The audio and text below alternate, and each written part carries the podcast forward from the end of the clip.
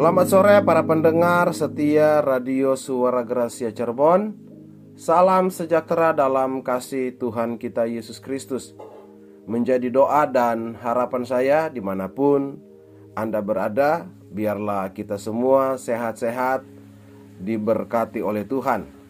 Puji Tuhan, sore hari ini kembali lagi kita dalam program Mutiara Jiwa oleh sebab itu saya mengajak kepada seluruh para pendengar di mana pun Anda berada Mari sama-sama kita siapkan hati kita untuk kita akan mendengarkan kebenaran firman Tuhan.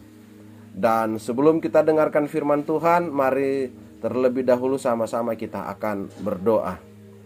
Tuhan Yesus, Bapa kami di dalam surga Kami bersyukur dan kami berterima kasih kepada Tuhan atas pertolongan pemeliharaan Tuhan yang kami boleh alami dan kami boleh rasakan sampai pada saat sore hari ini.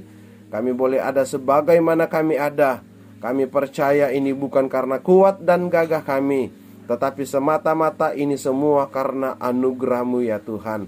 Terima kasih Tuhan Yesus sore hari ini kembali kami mau siapkan hati kami untuk mendengarkan kebenaran firman-Mu. Mari Tuhan berfirman bagi kami. Tuhan berbicara bagi kami lewat kebenaran firman Tuhan pada saat sore hari ini agar supaya kehidupan kami terus berada di dalam perlindungan Tuhan, terus berjalan di dalam kasih setia Tuhan sehingga kehidupan kami akan terus mempermuliakan nama Engkau. Terima kasih Tuhan Yesus Engkau urapi setiap pendengaran kami. Urapi hambamu yang akan menjadi saluran berkat bagi kami Agar supaya setiap taburan kebenaran firman Itu boleh tertanam di dalam setiap hati kami Dan boleh menjadi berkat untuk kemuliaan bagi nama Engkau. Terpujilah Tuhan kekal untuk selama-lamanya. Kami berdoa bersyukur dan kami siap untuk mendengarkan kebenaran firman-Mu. Di dalam nama Tuhan kami Yesus Kristus. Haleluya. Amin. Puji Tuhan para pendengar yang diberkati oleh Tuhan. Firman Tuhan pada saat sore hari ini saya akan beri judul Melangkah dalam kepastian. Sekali lagi firman Tuhan sore hari ini saya akan beri judul Melangkah dalam kepastian. Kita akan buka di dalam Yosua pasalnya yang pertama Kitab Yosua pasalnya yang pertama ayatnya yang kelima. Demikianlah bunyi firman Tuhan.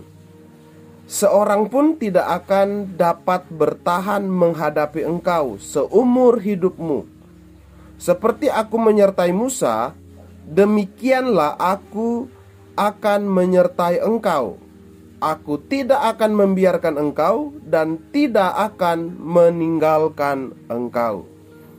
Puji Tuhan, para pendengar yang diberkati oleh Tuhan, ayat ini menceritakan tentang bagaimana Tuhan menyuruh Musa, menyuruh Yosua untuk memimpin bangsa Israel memasuki tanah Kanaan atau tanah perjanjian untuk menggantikan Musa. Jadi ketika hamba Tuhan Musa itu meninggal, maka Tuhan menyuruh Musa, menyuruh Yosua untuk menggantikan posisi Musa memimpin bangsa Israel untuk masuk ke tanah perjanjian yaitu tanah Kanaan.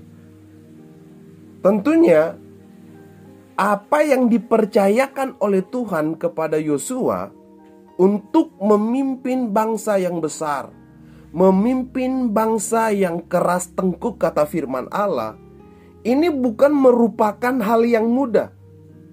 Apalagi firman Tuhan katakan bahwa untuk memimpin bangsa Israel memasuki tanah Kanaan mereka harus melewati begitu banyak hambatan. Mereka harus melewati begitu banyak rintangan. Kalau kita kembali menengok di dalam bilangan 13 dan bilangan ke eh, pasalnya yang ke-14, di sana menceritakan tentang bagaimana ketika uh, Musa menyuruh ke-12 orang untuk mengintai tanah Kanaan yang dijanjikan oleh Tuhan di tengah-tengah bangsa Israel. Nah, ketika mereka uh, datang untuk mengintai tanah Kanaan itu, maka ada begitu banyak eh, kabar-kabar uh, yang mereka sampaikan kepada bangsa Israel bahwa memang benar bahwa tanah perjanjian, tanah kanan itu adalah tanah yang begitu luar biasa. Tanah yang begitu subur. Tanah yang berlimpah-limpah susu dan madunya. Artinya bahwa tanah Kanaan adalah tanah yang penuh dengan kemakmuran. Tetapi mereka katakan bahwa memang benar, tetapi kita akan menghadapi bangsa-bangsa yang luar biasa. Orang-orang keturunan enak, orang-orang raksasa yang harus kita perangi, yang harus kita uh, lewati sampai kepada tanah perjanjian. Nah, tentunya ini bukan merupakan suatu hal yang mudah bagi Yosua.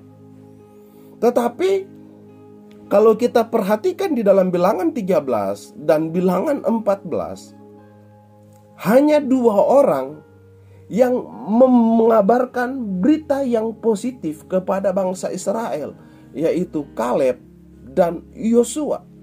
Mereka katakan memang benar ada begitu banyak bangsa-bangsa yang harus mereka lewati.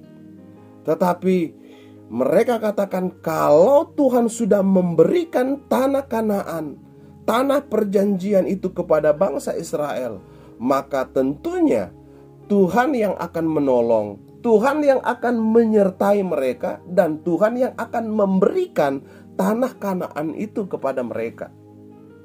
Nah, para pendengar yang diberkati oleh Tuhan, di dalam perjalanan hidup kita, tentunya tidak semudah dengan apa yang kita pikirkan, dan tidak berbeda dengan apa yang dialami oleh bangsa Israel ketika mereka menuju ke tanah Kanaan. Ada begitu banyak proses yang harus dihadapi, ada begitu banyak proses yang harus dilewati Demikian juga dalam perjalanan hidup kekristenan kita ada begitu banyak hal yang harus kita hadapi di dalam kita menjalani kehidupan ini. Apalagi sekarang kita sudah berada di minggu yang kedua di tahun 2024. Kita melangkah di tahun yang baru. Tahun yang masih penuh dengan tanda tanya kita tidak tahu apa yang akan terjadi nanti. Kita tidak tahu situasi dan kondisi apa yang akan terjadi di tahun 2024 ini. Dan tentunya ada begitu banyak hal yang harus diperhadapkan dengan kehidupan kita. Dan saya percaya kalau kita bisa melewati tahun 2023, kita saya percaya kita juga akan mampu dan sanggup melewati tahun 2024 ini. Nah, oleh sebab itu, biarlah kehidupan kita kita mau bawa dan kita mau serahkan kepada Tuhan. Nah, para pendengar yang diberkati oleh Tuhan, demikian juga dengan Yosua. Walaupun dia tahu ini adalah sesuatu yang berat, dia tahu ini adalah sesuatu yang tidak mudah untuk dia memimpin bangsa Israel memasuki tanah kanaan, tanah perjanjian. Dia tahu bahwa dia harus melewati bangsa-bangsa yang luar biasa, bangsa-bangsa yang kuat. Bahkan firman Allah katakan mereka adalah keturunan-keturunan orang-orang enak, orang-orang raksasa. Orang-orang yang tidak mudah tentunya untuk dilewati. Tetapi ada satu pernyataan Tuhan yang luar biasa bagi Yosua yang harus kita pegang, yang harus kita uh, pegang kuat-kuat untuk kita melangkah di tahun 2024. Sehingga kita tidak akan takut, kita tidak akan uh, gentar untuk menghadapi tahun 2024 ini, tahun yang masih penuh dengan misteri. Apa pernyataan Tuhan? Yang luar biasa bagi Yosua yang harus kita pegang untuk kita melangkah di tahun 2024. Kita baca di ayatnya yang kelima. Di sana firman Allah katakan begini, seorang pun tidak akan dapat bertahan menghadapi engkau seumur hidupmu. Seperti aku menyertai Musa, demikianlah aku akan menyertai engkau. Aku tidak akan membiarkan engkau dan tidak akan meninggalkan engkau. Ayat ini adalah satu pernyataan Tuhan bagi Yosua, di mana firman Tuhan katakan bahwa Tuhan tidak akan membiarkan Yosua, Tuhan tidak akan meninggalkan Yosua, bahkan Tuhan akan menyertai dia untuk memimpin bangsa yang besar menuju ke tanah Kanaan. Para pendengar yang diberkati oleh Tuhan, ketika kita percaya akan pernyataan Tuhan ini, maka saya percaya kita akan melangkah di tahun 2024 ini dengan penuh kepastian. Karena di dalam Tuhan tidak ada yang tidak pasti. Di dalam Tuhan selalu ada kepastian. Nah, bagaimana kita melangkah di, da di dalam kepastian? Tentunya sesuai dengan ayat ini di mana kita harus percaya bahwa Tuhan akan menyertai kita. Dan sekali-kali Tuhan tidak akan membiarkan kita, Tuhan tidak akan meninggalkan kita. Di dalam situasi dan kondisi apa pun, di sana Tuhan ada bersama-sama dengan kehidupan kita. Di sana Tuhan ada menyertai kehidupan kita. Mungkin saudara diperhadapkan dengan satu persoalan yang sulit, satu persoalan yang besar, tetapi kita harus percaya bahwa di dalam Tuhan kita akan melangkah dalam kepastian karena Tuhan pasti akan campur tangan, menolong, menyertai, dan memberkati kehidupan kita semua. Oleh sebab itu, para pendengar yang diberkati oleh Tuhan, Yosua dia tidak takut, Yosua dia tidak gentar. Bahkan ketika sepuluh pengintai ini membawa kabar yang negatif, tetapi Yosua dan Kaleb mereka memiliki satu prinsip, memiliki satu keyakinan bahwa kalau Tuhan yang sudah memberikan tanah Kanaan bagi bangsa Israel, maka Tuhan yang akan menepatinya. Tuhan yang akan menolong, Tuhan yang akan menyertai, bahkan Tuhan yang akan memimpin kehidupan mereka. Nah, oleh sebab itu para pendengar yang diberkati oleh Tuhan, kalau kita percaya bahwa Tuhan yang akan menyertai, Tuhan yang akan memimpin, Tuhan yang akan menolong kehidupan kita di tahun 2024 ini. Maka saya yakin dan saya percaya kita akan melangkah di dalam kepastian. Walaupun ada begitu banyak hal yang akan kita lewati, yang akan kita hadapi, tetapi kita akan sampai kepada tujuan, kita akan sampai kepada sasaran yang sesungguhnya. Itu bukan karena kuat dan gagah kita, tetapi semata-mata itu semua karena Tuhan. Oleh sebab itu, para pendengar yang diberkati oleh Tuhan, mari kita senantiasa mempercayakan kehidupan kita, pekerjaan kita, usaha kita, bahkan segala sesuatu yang kita lakukan. Biarlah kita percayakan itu semua kepada Tuhan, karena kita percaya bahwa hanya Tuhan yang sanggup memberikan kemenangan di dalam kehidupan kita semua. Para pendengar yang diberkati oleh Tuhan, bagaimana bagaimana langkah kita untuk melangkah dalam kepastian di tahun 2024 ini? Bagaimana langkah kita untuk melangkah dalam kepastian di tahun 2024 ini? Yang pertama kita baca di ayatnya yang ketujuh. Di ayatnya yang ketujuh bagian yang pertama, di sana firman Allah katakan begini, hanya kuatkan dan teguhkanlah hatimu dengan sungguh-sungguh. Hanya kuatkan dan teguhkanlah hatimu dengan sungguh-sungguh. Jadi yang pertama, langkah yang pertama untuk kita melangkah dalam kepastian di tahun 2024, kita harus kuatkan hati kita dengan sungguh-sungguh. Yosua masuk tanah perjanjian itu ada banyak problem yang dihadapi. Begitu juga dalam perjalanan hidup kita. Kalau kita tidak jaga hati kita, kita pasti akan gagal. Kalau kita tidak jaga hati kita, kita tidak akan berhasil. Oleh sebab itu, firman Allah kembali menegaskan kepada kita, kuatkanlah hatimu dengan sungguh-sungguh. Kalau kita berbicara tentang masalah hati, itu adalah masalah yang sangat penting, yang masalah yang sangat pokok di dalam kehidupan kita. Kenapa? Karena ada begitu banyak orang, ada begitu banyak orang dalam perjalanan hidupnya, dia gagal karena dia kecewa. Dia gagal karena dia tidak bisa menjaga hati. Karena ada banyak hal yang membuat hati kita down. Ada banyak hal yang membuat uh, kita hilang semangat, kita hilang gairah. Kalau kita tidak jaga hati kita, maka kita gampang dan sangat mudah untuk diruntuhkan, dirobohkan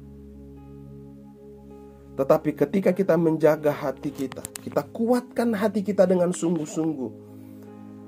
Apa pun yang datang menerpa kehidupan kita, kita pasti akan tetap berdiri kokoh. Ada begitu banyak berita-berita, ada begitu banyak kabar-kabar yang membuat kita down, yang membuat kita uh, hilang gairah, hilang semangat. Oleh sebab itu, para pendengar yang diberkati oleh Tuhan, hati ini punya peranan yang sangat penting agar supaya kita tidak menjadi orang yang uh, mudah baperan. Kita tidak menjadi orang yang mudah tersinggung. Walaupun mungkin ada banyak uh, berita-berita yang negatif yang kita terima, yang kita dengar. Ada banyak orang yang mungkin ingin memojokkan kita, menjatuhkan kita.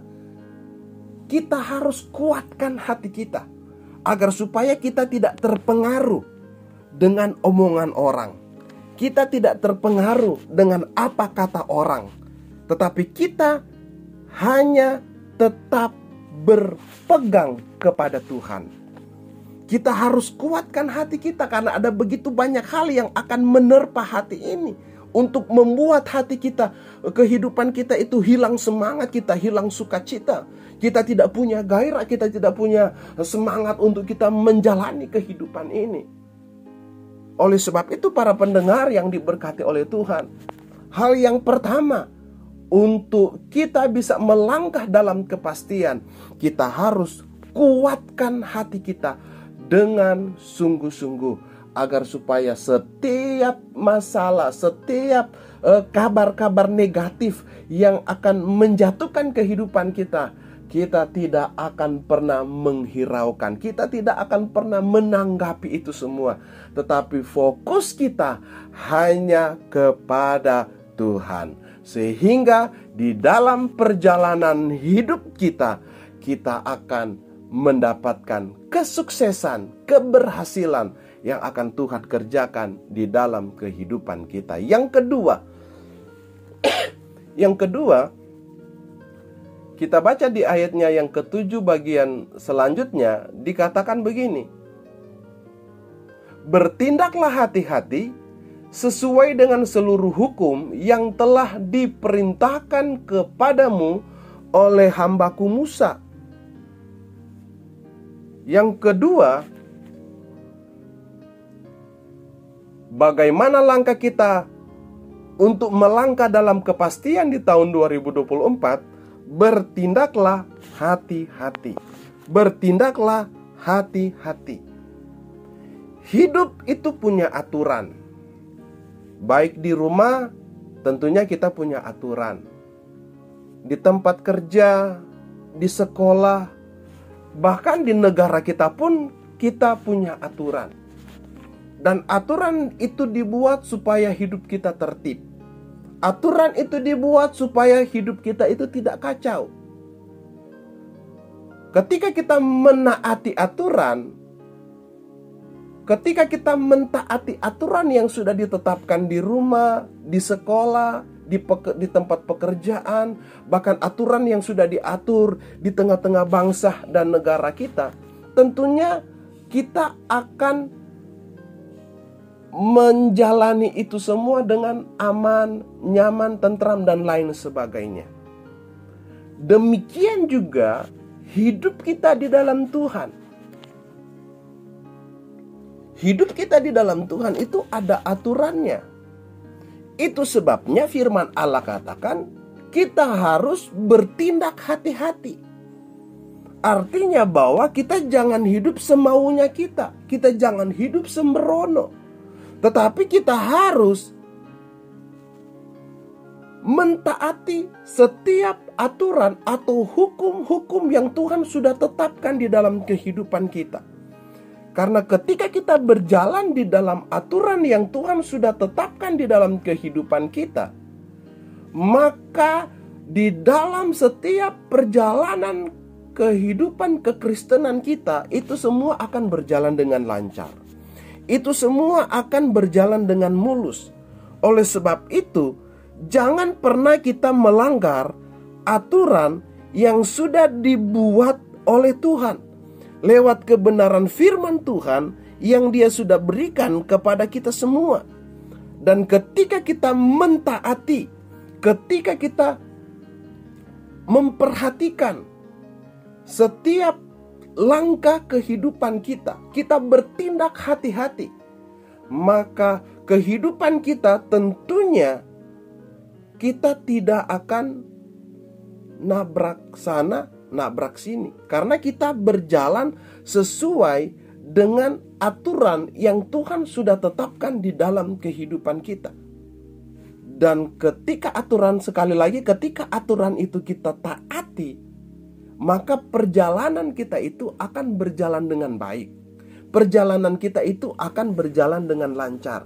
Oleh sebab itu, firman Allah katakan bahwa kita harus bertindak hati-hati, karena di dalam hidup ini ada aturan, di dalam hidup kekristenan kita ada aturan aturan yang Tuhan sudah tetapkan, aturan yang Tuhan sudah atur lewat kebenaran firman Tuhan yang Dia sudah berikan di dalam kehidupan kita, yang harus kita taati, yang harus kita patuhi, yang harus kita jalani, sehingga ketika kita menaati, mematuhi semua aturan-aturan yang Tuhan sudah tetapkan, tentunya itu akan membawa kehidupan kita kepada keberhasilan, membawa kehidupan kita kepada keuntungan yang besar yang Tuhan sudah janjikan di dalam setiap kehidupan kita. Dan poin yang ketiga, poin yang ketiga bagaimana langkah kita untuk melangkah dalam kepastian di tahun 2024? Kita baca di ayatnya yang ketujuh bagian yang terakhir, di sana firman Allah katakan, "Janganlah menyimpang ke kanan atau ke kiri." Supaya engkau beruntung ke mana pun engkau pergi. Yang ketiga, jangan menyimpang ke kanan atau ke kiri. Hidup kita harus fokus ke depan. Hidup kita harus fokus kepada Tuhan, supaya kita tidak nabrak-nabrak. Dan kalau kita nabrak, berarti itu akan mencelakakan diri kita sendiri. Ketika kita tidak fokus di dalam perjalanan hidup kita, tentunya itu akan membahayakan hidup kita. Itu akan membuat kita celaka. Itu akan membuat kita bisa masuk jurang. Kenapa? Karena hidup kita nggak fokus. Demikian juga dengan kehidupan kekristenan kita Ketika kita tidak fokus kepada Tuhan, sekali lagi, ketika kita tidak fokus kepada Tuhan, maka itu akan menjatuhkan kehidupan kita. Itu akan membuat kehidupan kita itu nggak akan sampai kepada tujuan, akan membuat kehidupan kita itu nggak sampai kepada sasaran ketika kita tidak fokus. Oleh sebab itu firman Allah katakan jangan kita menyimpang ke kanan, jangan kita menyimpang ke kiri. Tetapi marilah kita tetap fokus kepada Tuhan. Kita tetap berjalan di dalam rel-rel kehidupan yang Tuhan sudah tentukan di dalam kehidupan kita.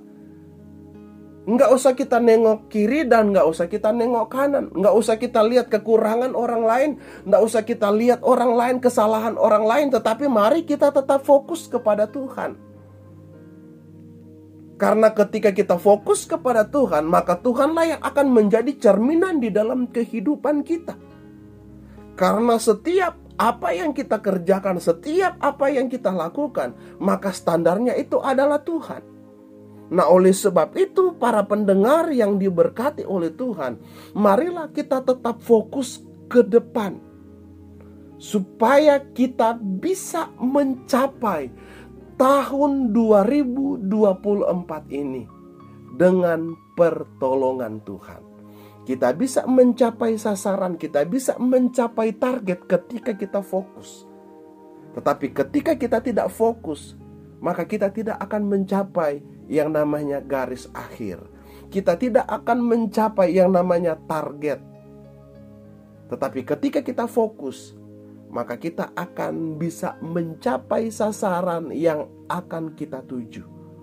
Nah, oleh sebab itu, para pendengar yang diberkati oleh Tuhan, bagaimana langkah kita untuk melangkah dalam kepastian di tahun 2024? Jangan menyimpang ke kanan atau ke kiri, agar supaya perjalanan kita bisa mencapai tujuan sasaran yang akan kita tuju. Dan yang keempat, poin yang keempat, kita baca di ayatnya yang ke-8. Di sana firman Allah katakan begini. Ayatnya yang ke-8, janganlah engkau lupa memperkatakan kitab Taurat ini. Tetapi renungkanlah itu siang dan malam supaya engkau bertindak hati-hati sesuai dengan segala yang tertulis di dalamnya Sebab dengan demikian perjalananmu akan berhasil dan engkau akan beruntung. Yang keempat, yang keempat, bagaimana langkah kita untuk melangkah dalam kepastian di tahun 2024? Di poin yang keempat, jangan melupakan firman Tuhan. Sekali lagi, jangan melupakan firman Tuhan. Karena firman Tuhan itu adalah terang di dalam kehidupan kita. Firman Tuhan itu adalah segala-galanya di dalam kehidupan kita. Firman Tuhan yang akan menuntun setiap langkah kita. Firman Tuhan yang akan menerangi setiap perjalanan hidup kita di tahun 2024 ini. Oleh sebab itu, para pendengar yang diberkati oleh Tuhan, sesibuk apa pun kita di dalam kita menjalani kehidupan ini, jangan pernah kita melupakan firman Tuhan. Sekali lagi, jangan pernah kita melupakan firman Tuhan, karena firman Tuhan ini adalah terang di dalam kehidupan kita. Dan firman Allah katakan, "Sebab dengan demikian perjalananmu akan berhasil dan engkau akan beruntung." Jadi, ketika kehidupan kita ini dituntun, diterangi oleh firman Tuhan, tentunya kehidupan kita itu hidup sesuai dengan firman, karena firman itu akan menerangi setiap hati kita. Firman itu yang akan menerangi setiap pikiran kita, menerangi setiap seluruh kehidupan kita. Sehingga di dalam aspek kehidupan kita selalu mencerminkan firman, selalu mencerminkan Tuhan, mencerminkan Yesus di dalam kehidupan kita. Dan firman Allah katakan bahwa ketika kita berpegang kepada firman, maka perjalanan kita akan berhasil, perjalanan kita akan beruntung. Artinya kita bisa melewati tahun 2024 ini dengan penuh keberkatan Tuhan Sekali lagi kita akan melewati tahun 2024 ini dengan penuh keberkatan Tuhan ketika kehidupan kita berpegang kepada firman Tuhan. Karena firman Tuhan itu adalah barometer di dalam setiap perjalanan hidup kekristenan kita. Dan yang terakhir, kita baca di ayatnya yang ke ayatnya yang ke-9 di sana firman Allah katakan begini, "Bukankah telah kuperintahkan kepadamu, kuatkan dan teguhkanlah hatimu. Janganlah kecut dan tawar hati, sebab Tuhan Allahmu menyertai engkau ke mana pun engkau pergi." Yang kelima, yang terakhir, bagaimana langkah kita untuk melangkah dalam kepastian di tahun 2024, jangan tawar hati. Jadi apa pun masalah, apa pun situasi yang kita hadapi di tahun 2024 ini, jangan pernah kita tawar hati. Karena ketika kita tawar hati, maka kita gampang putus asa. Ketika kita tawar hati, kita pasti akan kecewa. Firman Allah katakan di dalam Amsal 4 Amsal 24 ayatnya yang ke-10 Jika engkau tawar hati pada masa kesesakan Kecilah kekuatanmu. Jika engkau tawar hati pada masa kesesakan Kecilah kekuatanmu jadi para pendengar yang diberkati oleh Tuhan Jangan pernah kita tawar hati Di dalam kita menjalani kehidupan di tahun 2024 ini. Karena ketika kita tawar hati Firman Allah katakan kecilah kekuatanmu. Artinya kita menjadi orang yang tidak berdaya.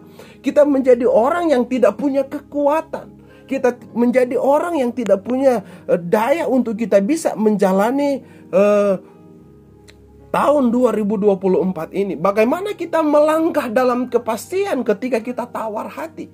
Kita tidak akan pernah melangkah di dalam kepastian ketika kita menjadi orang yang tawar hati. Ketika kita menjadi orang yang ragu-ragu tetapi kita akan melangkah dalam kepastian ketika kita tidak ada tawar hati. Artinya kita melangkah di dalam keyakinan yang sungguh bahwa Tuhan akan menolong dan menyertai kehidupan saya dan saudara. Oleh sebab itu para pendengar yang diberkati oleh Tuhan, biarlah di tahun 2024 ini walaupun banyak hal yang masih misteri bagi kita semua, tetapi sebagai orang-orang percaya di dalam Tuhan Yesus, marilah kita melangkah dengan pasti, melangkah dengan kepastian. Langkahnya yaitu kuatkan hati kita. Bertindaklah hati-hati. Jangan menyimpang ke kiri dan ke kanan. Atau fokuslah dalam mencapai kehidupan yang diberkati. Dan jangan pernah melupakan firman Tuhan dan jangan mudah tawar hati saat kita diterpa hal-hal yang menyakitkan, hal-hal yang membuat kita uh, mungkin secara manusia kita menyerah. Tetapi jangan kita mudah tawar hati supaya kita terus punya harapan di dalam Tuhan. Ingatlah seperti pernyataan Tuhan kepada Yosua. Demikianlah pernyataan Tuhan itu buat kita semua bahwa Tuhan tidak akan membiarkan kita. Tuhan tidak akan meninggalkan kita. Tuhan terus akan menyertai kehidupan kita. Ketika kita percaya pernyataan Tuhan ini, maka kita akan melangkah di tahun 2024 dengan penuh kepastian. Karena kita percaya bahwa ada Tuhan yang akan menyertai, menolong, dan memberkati kita semua. Amin. Puji Tuhan, biarlah kebenaran firman Tuhan pada malam hari ini boleh menjadi berkat dan kekuatan bagi kita semua, sehingga kita boleh melangkah di tahun 2024 ini dengan penuh kepastian. Amin. Tuhan Yesus Bapa kami di dalam surga, kami bersyukur buat malam hari ini Tuhan. Kebenaran firman Tuhan kembali diperdengarkan kepada kami. Agar supaya kehidupan kami tetap melangkah dengan penuh kepastian. Walaupun tahun ini secara manusia masih misteri bagi kami. Tetapi kami percaya sekali-kali Tuhan tidak akan tinggalkan kami. Sekali-kali Tuhan tidak akan pernah membiarkan kami. Tetapi tangan Tuhan selalu ada, menyertai, menolong dan memberkati kehidupan kami.